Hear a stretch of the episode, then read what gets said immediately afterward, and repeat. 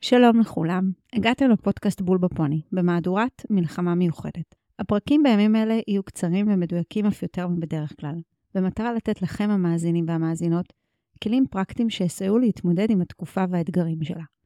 אירועי השביעי באוקטובר פגשו את כולנו בהפתעה גמורה, ולא בכדי אנחנו שומעים הרבה את המילה טראומה.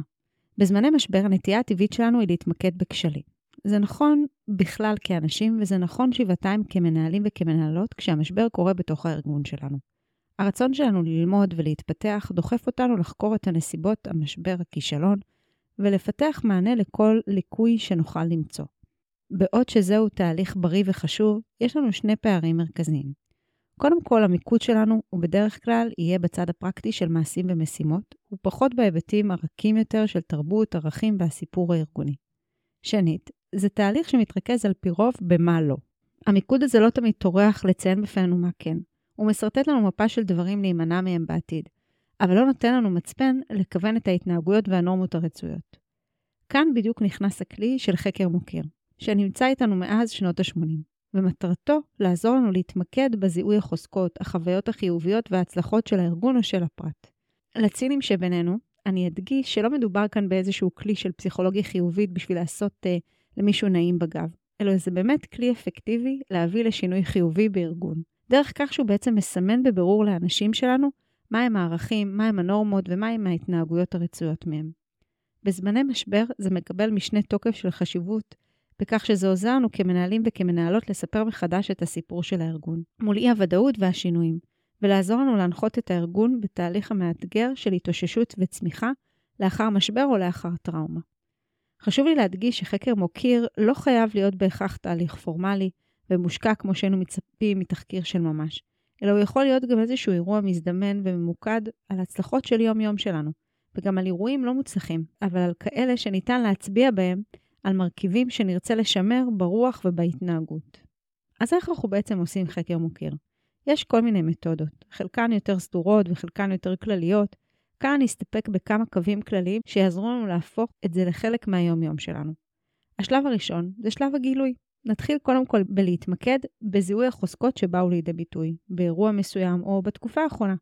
בזמני משבר, סביר שזה יכול לכלול מרכיבים יותר של חוסן, כושר הסתגלות והיבטים חיוביים אחרים של תרבות ארגונית. אני מציעה להתמקד גם בהיבטים של תהליכים, למשל אה, התארגנות מהירה סביב משימה, או התייעלות ארגונית, צמצום בירוקרטיה בשעת משבר, ביזור סמכויות לדרגים זוטרים יותר.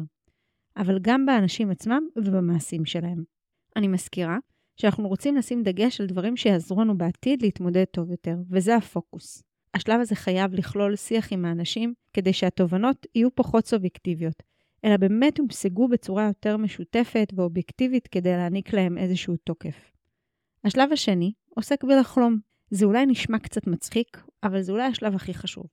היכולת שלנו לבוא ולדמיין באופן קולקטיבי, עתיד חיובי יותר, בו אנחנו לא רק מתגברים על הטראומה הנוכחית, אלא גם אנחנו מתחזקים ממנה. פה אנחנו מתחילים לגבש את הסיפור העתידי המעודכן שלנו, שייתן לנו תקווה ואופטימיות וחזק את החוסן. או במילה פשוטה אחת, חזון. זהו השלב שבו אנחנו נשאל את האנשים שלנו שאלות פתוחות וצופות פני עתיד כדי לייצר את הבסיס לשלב השלישי, עיצוב החזון. בשלב השלישי, המטרה שלנו להגיע לאיזשהו חזון, שאנחנו והאנשים שלנו נראה בו פוטנציאל אמיתי וחיובי ונתרגם אותו לאסטרטגיה ולתוכנית פעולה. זה השלב שבו אנחנו נעבוד קרוב עם האנשים כדי לגבש דרכים להתגבר על הקושי הנוכחי לעבר העתיד הרצוי ולפרק את זה ליעדים ותחומי אחריות. השלב הרביעי והשלב האחרון זה היישום בפועל, בו בעצם מתבצעת איזושהי תוכנית עבודה, ובו חשוב להמשיך ולהזכיר את החזון ואת החוזקות עליהם אנחנו בעצם נשענים. אז נכון שמדובר כאן באיזשהו תהליך סדור ומובנה, אבל אני מאוד מאוד ממליצה למנהלים ולמנהלות להתחיל ולקחת את העקרונות האלה ולשלב אותם ביום-יום שלהם. לאתר אירועים בעלי משמעות, להתבונן בהם כדי לאתר את החוזקות בהם, לשוחח עם האנשים שלנו על זה ועל המקומות שאנחנו יכולים להגיע בצורה הזו, ולצאת עם כמה משימות וכיוונים להמשך. את החזון המעודכן הגדול נבנה עם הזמן. על ידי יישום העקרונות של חקר מוקיר בעתות משבר, אנחנו יכולים להעביר את המיקוד מפתרון בעיות תגובתי לזיהוי פרואקטיבי של חוזקות והזדמנויות לצמיחה. הגישה הזאת יכולה לתרום לפיתוח של החוסן, לשיתוף פעולה משופר בתוך הארגון, והלך רוח ארגוני חיובי, ובסופו של דבר לטפח צמיחה מפוסט-טראומה ארגונית. אז תשתמשו בה בתבונה. בהצלחה.